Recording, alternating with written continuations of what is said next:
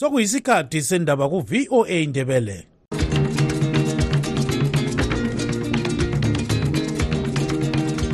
amatshono zihlobo siyalamukela kuhlelo lwethu lwezindaba eziphathelane lezimbabwe. Kustudio 7 eya voice of america sisakaza sisewashington dc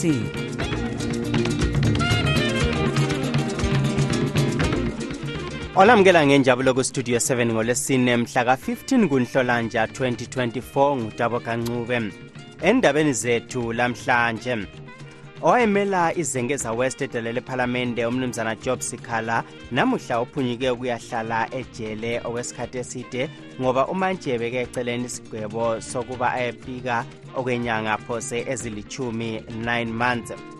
Abalela amalungelo oluntu bayakusola okwenziwe ngamapholisa esikoleni se-st faith high school lapho alumise izifundi ezikade zitshengisela zikhonana ngokukhweza kwenhlawulo zesikolo ngezinja.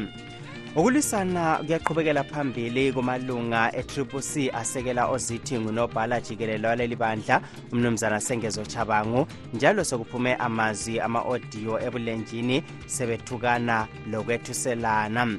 Zonke lezi ndaba lezinye lizozizwa kulo msakazo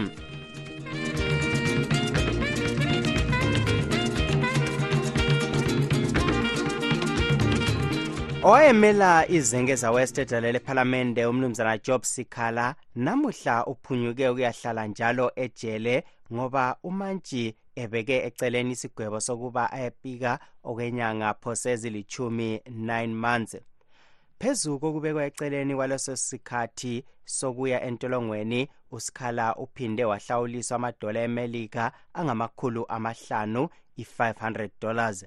Kubika umlondolozi ndlovu amagqwetha labalwela ilungelo loluntu bathi isigwebo esethulelwe usikhala asibamangalisi. Umantshi feres chakanyuka akazange azihluphe ukulandela inkuthazo eyenziwe ngamagqwetha kasikhala ukuba athole amacebo edayela phezulu ele-high court andubana ethule isinqumo sakhe. Igqwetha likasikhala umnumzana harrison nkomo uthi umantshi uferes chakanyuka kakhulumanga lutho ngomthetho obizwa ngokuthi ngu-section 31 of the criminal law codification reform act owesulwa engalweni zemthetho kulandela ukukhonona okwenziwa ngabasebenzela iphephandaba lezim independent uconstantine chimakure lovincent kayiya okwenza ukuba idayile high court lithi umthetho lo kawulahlwe. Kulabanye njalo abagoqela intatheli izindaba umnumzana wophoshi ngono abake betheswa amacala afanayo kodwa igqwetha elikhulu likahulumende ujustice uladi uthi umthetho lo waguqulwa ngakho-ke kulungile okwenziwe lidale likamantshi. Unkomo uyakwala lokhu. A law that was nullified by the constitutional court the highest court on the land uh, in 2014 Uh, that notwithstanding, the magistrate proceeded to pronounce the sentence, and Job Scala has, has uh, been sentenced as follows. Nine months imprisonment wholly suspended for five years on condition that he doesn't commit a similar offense within the specified period. Further to that, he has been ordered to pay a US dollar fine, $500. ingcwethi kwezomthetho oligqwetha umnumzana sanele ncube uthi kuyadanisa ukuba umantshi kazange azihluphe ngokukhangela inkuthazo yamagqwetha. Ukwehluleka kwamajistrate ukulandela lokho kwakhulunywa ngamaloya kuveza ukuba umthetho welizweni leli kawusalandeli. Kodwa elinye igqwetha unkosikazi siphiwe dube uthi umantshi ulandele umthetho. Loba nje omajasithi belakho ukulandela lokhu okutshiwo ngama-lawyers umajasithi kulolu daba usebenzise amandla akhe walandela umthetho ngendlela awubona ngawo. Iningi elisekela umsebenzi owenziwa ngusikhala lithi kuyadanisa ukuba usikhala utholakale elecala. Umnumzana comfort nceko yenkosi mpofu ngomunye wabo. Icala agwetshwe ngalo alikho njalo icala lelo lakutshengisela ukuba alikho e-high court. Ilunga le-zanup f central committee umnumzana mabutho moyo uthi udaba lukasikhala alulani lebandla lakhe. Lapho inkantolo ingakhipha amaqiniso abangavumelani lawo sokuthiwa yizanu p f ethe hhayi lokho nje ibandla lezanu p f c kujwayele asonto esingatshona siziginqisa ngayo kumbe sithi sichithe isikhathi. Lokhu kusekelwe ngumnumzana ziyambi ziyambi umphathi ntambo wezemthetho kuhulumende wezimbabwe. Ngimele istudio 7 ngiseharare ngimlondolozi ndlovu. America,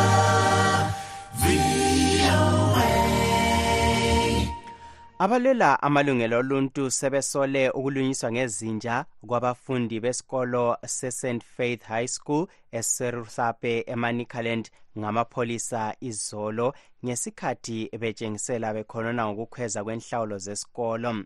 Omunye wabantwana laba ubikwa elimele kakhulu enyaweni. Amapholisa athi asaphenya lolu daba.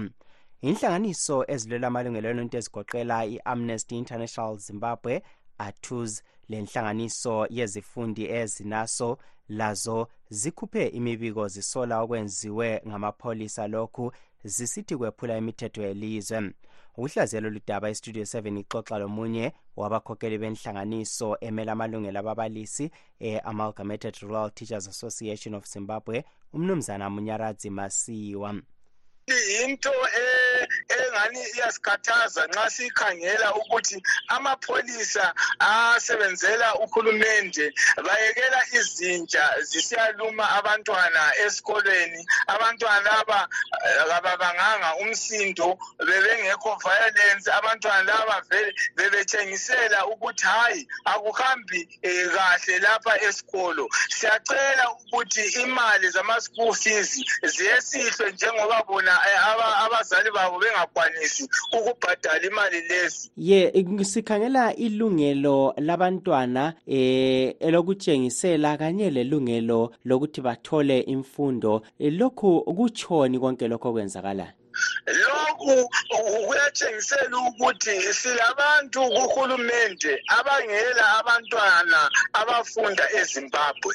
The bulk of aba, abantu abakuhulumende balabantwana abafunda eh, phetsheya ngaphandle kwamazwe kwelizwe leli. So siyabona ukuthi kabalandaba lodubo oluhlangana labantwana bethu lapha ezimbabwe. Sibona njalo ukuthi nxa uhulumende esenza amapholisi kabuyi phansi ukuzoconsulta abazali ukuzoconsulta ababalisi ukuzoconsulta even bona abantwana. Pho kungenziwa njani ukuthi kuqedwe lolu dubo? Lolu dubo luqedwa nxa kungaba le-political will eh kuhulumende. Uhulumende engahlala phansi ethi eh siphambanisa lokhu lalokhu lalokhu singakulungisa njani? Egenuine uhulumende engabuya kuzoconsulta ukuzobuza ababalisi ukuzobuza abazali ukuzobuza abantwana ukuthi lifuna imfundo enjani lifuna ukufundiswa njani lifuna ukufundisa njani lina matitsha eh, singaqeda udubo nxa kungaba le-consultation eh, phakathi kwethu. Umnumzana mnyaradzi masiwa ngowenhlanganiso yababalisi e-amalgamated rural teachers association of zimbabwe limuzwe exoxa ecingweni lestudio 7 eseharare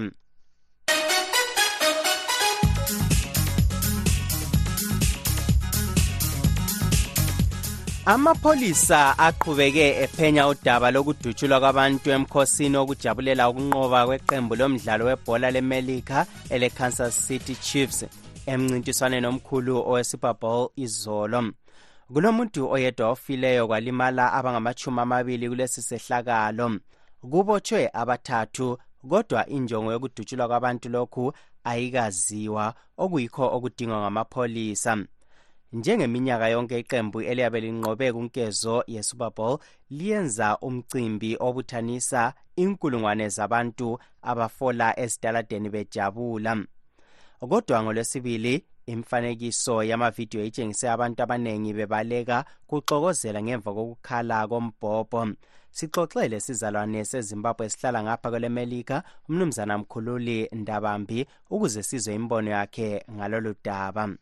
Ukudutshulwa kwabantu sekukhanya sekuyinto yansuku zonke. Kuyadanisa ukuthi irally engangele kansas chiefs um sebe after three pitting sebewine i-super bowl zilandelana. Ukuthi kungaba khona ongafuni ukuthi afike ephazamise ama-celebration. Uma ukunanzelela nje lapha e-america it would have to be umuntu ovela ngaphandle. Kukalutshwana ukuthi edorobheni ohlala khona okule team edlala khonapho abantu bakhona ubazondo ukuthi mhlabe sithini. Ubadubule but lakho intathile izindaba azikasinika information kakhulu ngabantu laba. Usually sesizwe ngama-affiliations abo ukuthi ngama-right wing kumbe ama-left wing kumbe ama-nazi. Siyasizwe lama-face group abo you know lezi zinto abazibhalayo ama-manifesto. Lapha asikezwe i-intention isihloso ukuthi kade everything points to i-right versus left kodwa um asikezwa. At least mina angingaboni ukuthi abantu laba what was their persuasion abantu abaphonga ukuphazamisa izigangi kumbe kumbe yikweni khona ukutholakala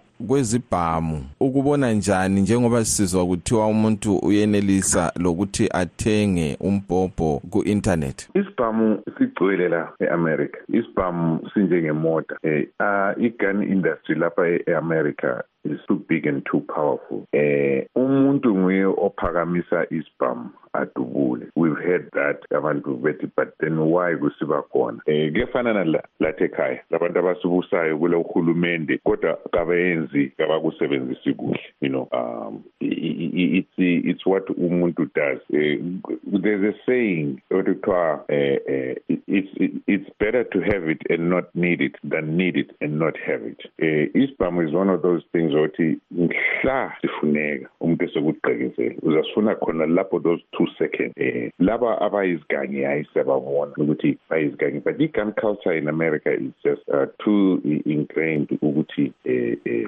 ukuthi beyikhuphe ebantwini. Njalo the citizen feels empowered and protected and lawe awusoze uphumba ukuhamba nje uphunga udelela omunye umuntu. Like asoze aphunga ukudelela. Ngoba ukwazi ukuthi uthweleni la ukwazi ukuthi uthweleni i-gun is an equalizer. So it makes abantu be-respected laba abagangayo hayi bayaganga. Ukuganga yikho khona okukuganga umnumzana mkhululi ndabambi yisizalwane sezimbabwe esihlala ngapha kwelemelika ubexoxa ecingweni lestudio 7 ese-ohio khonapha emelika.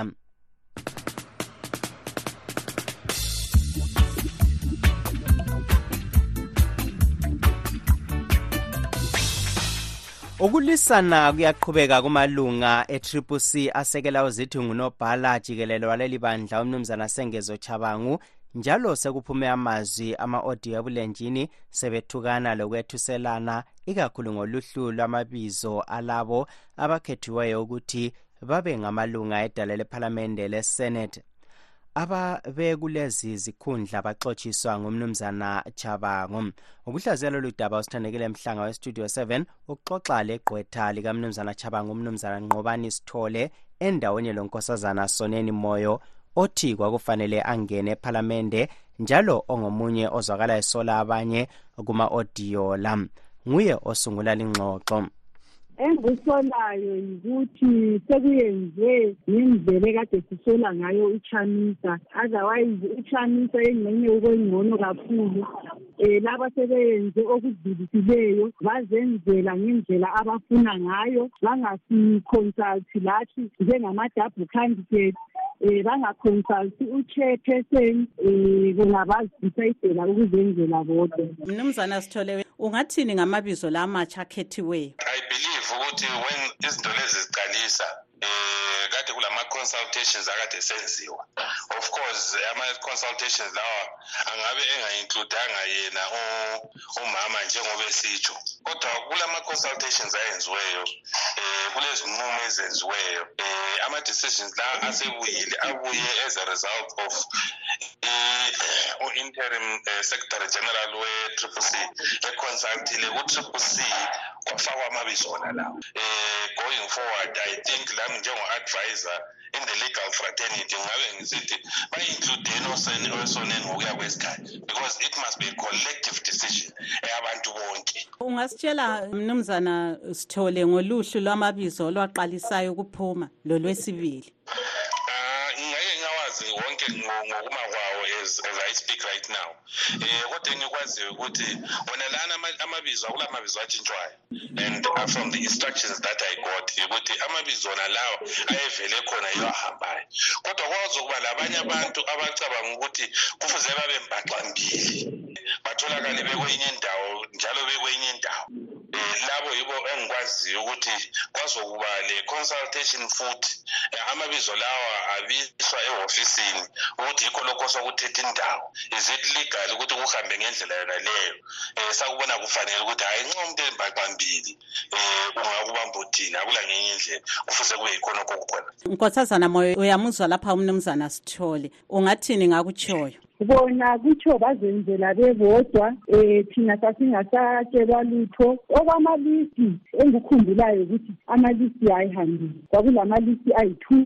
Amalisti engu-two azange sibe kwazi ukuthi eyinye ye-two yangikhona yiphi. Sikhone sikuzwa-ke sekuphuma-ke kugazethi nge-friday ukuthi hhayi yibo laba bantu aba- abakhethiweyo kusho ukuthi bona bezikhetha bebodwa thina singazi lutho. Mnumzana sithole kambe ukuthi ngabe kulungiswa njani? Lokho um ibandla liyabuya um lizakhuluma ngendlela ofuze libanjwe ngayo. Umama kangeke acomplaine just because yena utholakale esephandle or uzitholakale kasaconsultwanga she must be part of the leadership. She must be part of the decision making. Yinto okucomplainwa ngayo. Okwenza ukuthi kube le nto yonke le esisenzakala ukuthi kwaba le-leadership vacuum ku-triple c isile sokuyi-cult so to speak ngakho-ke all those things have to be reversed. Um abantu batholakale besenza ama-decisions beconfronte iproblem ekhona elizweni as a unit. Ngoba ukuthi abantu babehlala belokhu bekhombelana iminwe bekhombelana iminwe akwakhi isizwe. So umama nxa ele- elento akukhonona ngayo kumele ukuthi a-engage i- i- i- u-secretary- i-interim secretary general babuye beyimbumba ungathini ngalokhu? Lakhulumisana yini la umnumzana chaba? Iqiniso sibili ukuthi kwakufuze kuxoxiswane um uchabango vele asizange ke sihlale laye phansi sixoxisane. Besekulamagruphu vele angu-two ikhokhelwa nguye yena uchabango esayidini labo. Thina esiyithi um esaqala into leyi laye uchabango lama-double candidate salahlela le khatshana le. Akuyese phansi kukhulunyiswane kuzwane ukwenzela ukuthi um abantu labo besilandele ngendlela eyiyo ngoba khathesi kunje abantu vele bayacomplaina bayacomplaina ukuthi uthole ukuthi omunye umuntu ofake kulisi yona leyo. Akula muntu vele omthandayo lapho ahlala khona ngezizathu ezithile. Abantu bayawona phela phandle la. So yikho besithola ukuthi ngabe u-s g iyayehla layo phansi abuye sikhulumisane njengokuqala into yona leyo esayiqalayo yama-double candidate. Kodwa ubona ibandla leli liqina yini? Njengoba sizwile kuma-audios aphumileyo ukuthi bekungani kulokwethuselana lokufuthelana lokusolana. Hayi mina ngibona yikufa kwalo ibandla le-t p c alisayi phambili selifile seli- selibulewe kudala. Ngabantu bona abayibo abazithi bona bafuna izikhundla. So yibo ababuyileyo batshelela usengeze eceleni bathatha into le bayisa kwe- kwelinye izinga le singalaziyo ukuthi lizinga elinjani. So u-t p c vele kasekho lapha kobulawayo. Kodwa ubona ingani kule kusasa yini kuleli elikamnumzana chamisa? Sibonile umnumzana siziba lo mnumzana chibaya behamba beqoqa abantu? Eh laba umnumzana Chamisa engayekela i-dictatorship hayi engakhokhela kuhle ibandla lakhe. But engabe lokhu econtinue ngakhona lokho akwenzile hayi lalo alindawo ibandla lakhe. Lo ngumnumzana nqobani sithole igqwetha elimela umnumzana sengezo chabango zithi ngunobhala jikelelo we-triple c. Ubexoxa endawenye lo nkosazana soneni moyo owebandla le-triple c. Zimbabwe. Okwamanje wothi sizwe udaba oluveza imibono kahulumende wemelika.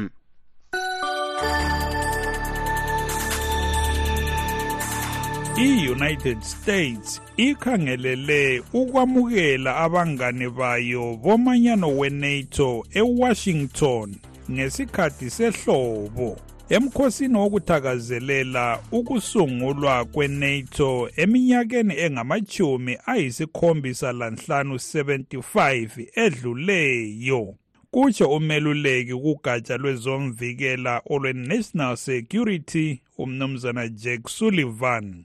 Ekhuluma emhlanganweni lentatheli zindaba esigodlweni senato usullivan wengeze wathi umhlangano lo uzaveza iqiniso lokuthi umanyano weNATO mkhulu uqinile futhi ubambene ukwedlula ezikhathini ezedluleyo.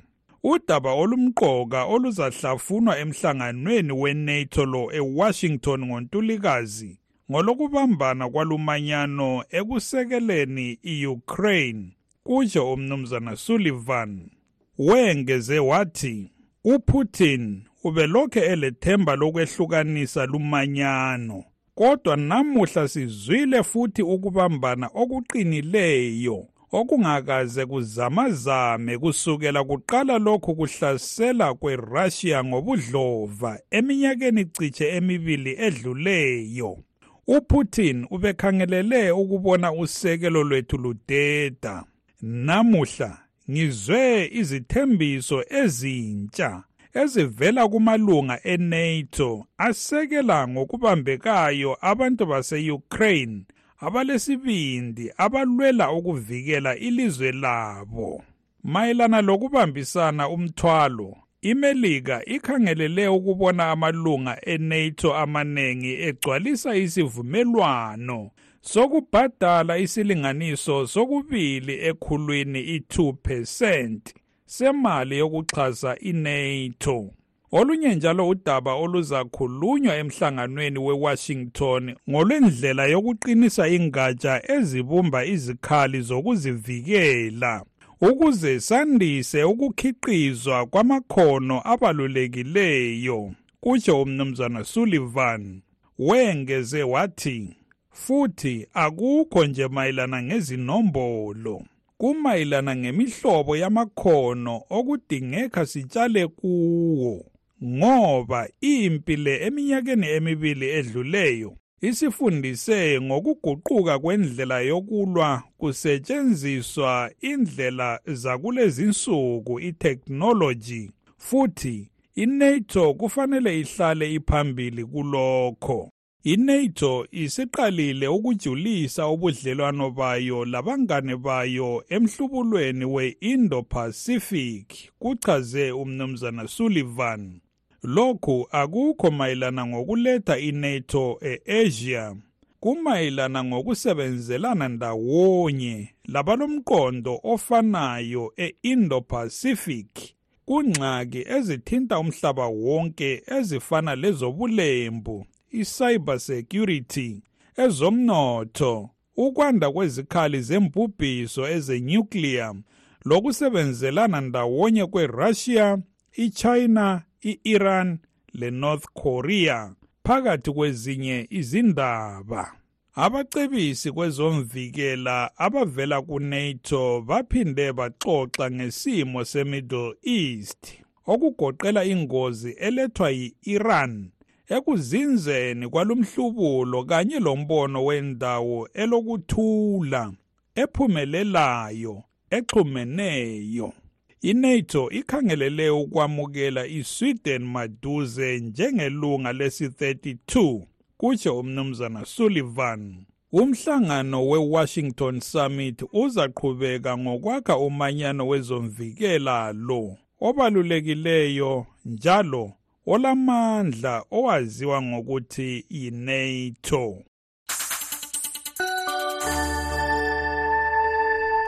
Belilalele udaba oluveza imibono kahulumende wemelika.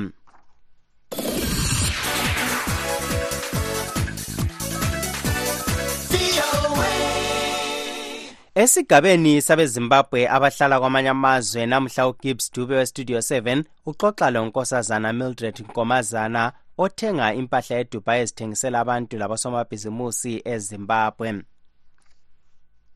ukuthi kuyasebenzeka khona ma usabambile size kuyasebenzeka kodwa akuyona indawo ukuthi ungazitshela ukuthi uzosebenza unomphela angeke ngize ngisho. Kuyakumele ukuthi nje ma ukuthi ithuba mhlawumbe likuvumela lasepoketheni kuvuma kuyakube yikuhlakanipha ukuthi ube khona kube khona into oyenzayo eceleni. O ma ukuthi uyabubona ukuthi hhayi vele ngenelisi njengoba ngiye ngabonisa laphana insimbi zemoto ukuthi uyakwazi ukuzithenga lapha uzihambise ekhaya. Ma ungakwazi ukuthi uvule indawo enjalo yokuthengisa uvule ibhutiki yempahla nawe uyakwazi ukuthi uphile ngoba yindlela abantu abaphila ngayo. Silokuthola iy'celo zokuthi sifuna amaphefyumu angaphe amaphefyumu futhi siyawathola bese sithumelele. Amafoni ama-refurbished phone ma ukuthi bekhona abawafunayo siyabathengela futhi sithumelele. Ama-laptop brand new and refurbished nakhona yizinto engizenzayo ma ngitholile umuntu othi uyakufuna ngiyathenga ngiyenza isiqiniseko sokuthi umuntu ukutholile kumbe zinwele zona lezi ama-brazilian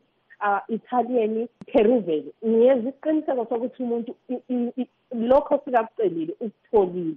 Kuye kwafika ezandleni zakhe ngoba kusuke kuyimali yakhe. Ngingasho ukuthi sengile minyaka ngiqale ngo-twenty twenty ngisathengela abangani ngisathenge ma ngiyekhaya ngiphathela abangani ma ngiyekhaya ngiphathela abangani. Kwaya ngaze ngaya ngabona ukuthi ah ngiyabe ngibathola abanye abantu ithi ngiqalise ukuthi ngithi ngathola mhlawumbe ihlanzana labantu bese ngiyahlanganisa sengifaka kukorea bese ngithumelele ekhaya um sizokuthiwa kathesi kulabanye abafuna ama-t-shirts amaningi kakhulu. Usitshela ngamafitshana lokho. Yebo ngilaye ubhuti uqale ngingathi ngemva kokusha kokusha kwemibhahayana ukhona ubhuti engithumelela kuyimali esuke e-south africa. So saye sathi sixoxa nje esithini ah uyazi ngifuna i-iphone angazi ukuthi ubuya nini. Ngithi ah wawungakazi ukhulume ngoba esilele kuhlangana ma ngifike um okwamanje sengizobuya kunyaka ozayo ngoba sengiphuma ekhaya lekakade wasesithi ah kulungile. Asesithi ah ngaphandle kwayo yodwa. Zikhona ezinye izinto engingamtholela zona ezithengiswayo ngoba ngijayele ukuthi ngumuntu onjani othanda into zebhizinisi. Wasesithi ah yazi ibhizinisi yilize lesibongo sami. Wasethi hayi ngizokuxhumanisa-ke labanye njengoba imsize manje kwatsha ngike ngikuxhumanise labanye mhlawumbe sebengakhona ukuthi bezame ukuthi bekhompere izinto eziphume e-south africa bhotwana zeziphuma ngapho babone ukuthi ikhwalithi njani yikho-ke ukuthola kwami ubhuti yena loyo ofake i-ota bengihambe benilempahla ebezihambile ezinye zazisiye echinoyi kulo munye ukuthi olesitolo lapho uthengisa impahla so lami ngase ngifake ezami abo-handbag nezinye nje izinto ezimbalwa nje ezazikhona ngase ngithumelele zithe zifika wasengifakela umeseji ukuthi akula yini into oyithumelileyo yokuthengisa ngathi yebo ingabi kukhona izikipa zikhona. Wasesithi zikuthi ngamlayela wahamba wazithatha hayi kusho ukuthi wazithanda. So ngemva kokuthi athengise lezi wasesithi ah ngibone ngathi sokumele ukuthi yinjani sivele sisebenzisane. Kube lama-samashet engiwathumeleyo ngomunye naye ubhuti futhi naye ngakithi kule sitolo edolobheni phakathi kobulawayo. Unkosazana mildred nkomazana ngothenga impahla kwele united arab emirates ezithengisela osomabhizimusi labanye abantu kwele zimbabwe. Ubexoxa logibbs dube westudio 7 esedubai.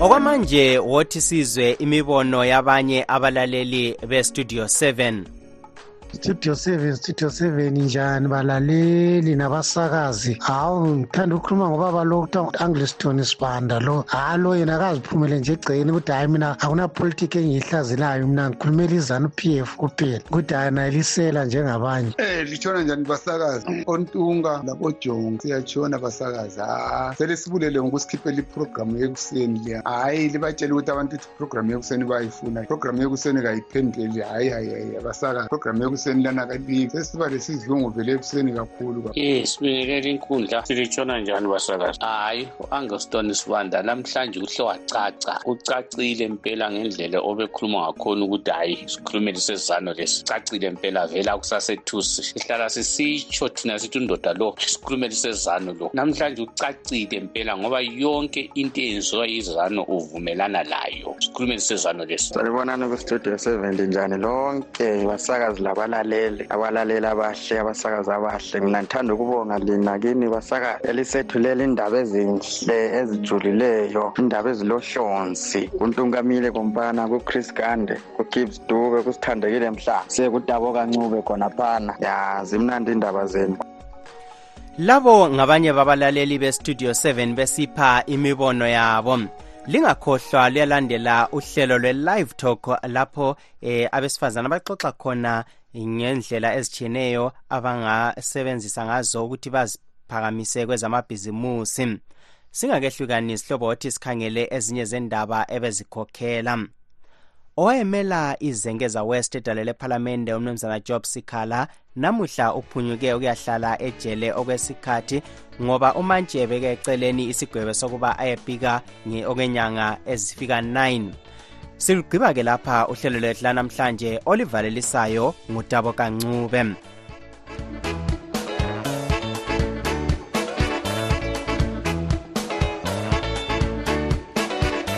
Siyalibonga ngokulalela kwenu. Asibeke ithuba elifanayo kusasa kustudio 7 kusukela ngo-half past 7 kusiya ku-8 o'clock ntambama kuhlelo lwezindaba zezimbabwe. Tinotenda nekuteerera chirongwa chedu. Teererai zvakare mangwana kubva na7 p m kusvika na730 p m. Apo tinokupai nhau muririmi rweshona. Lilani. Murara zvakanaka mhuri yezimbabwe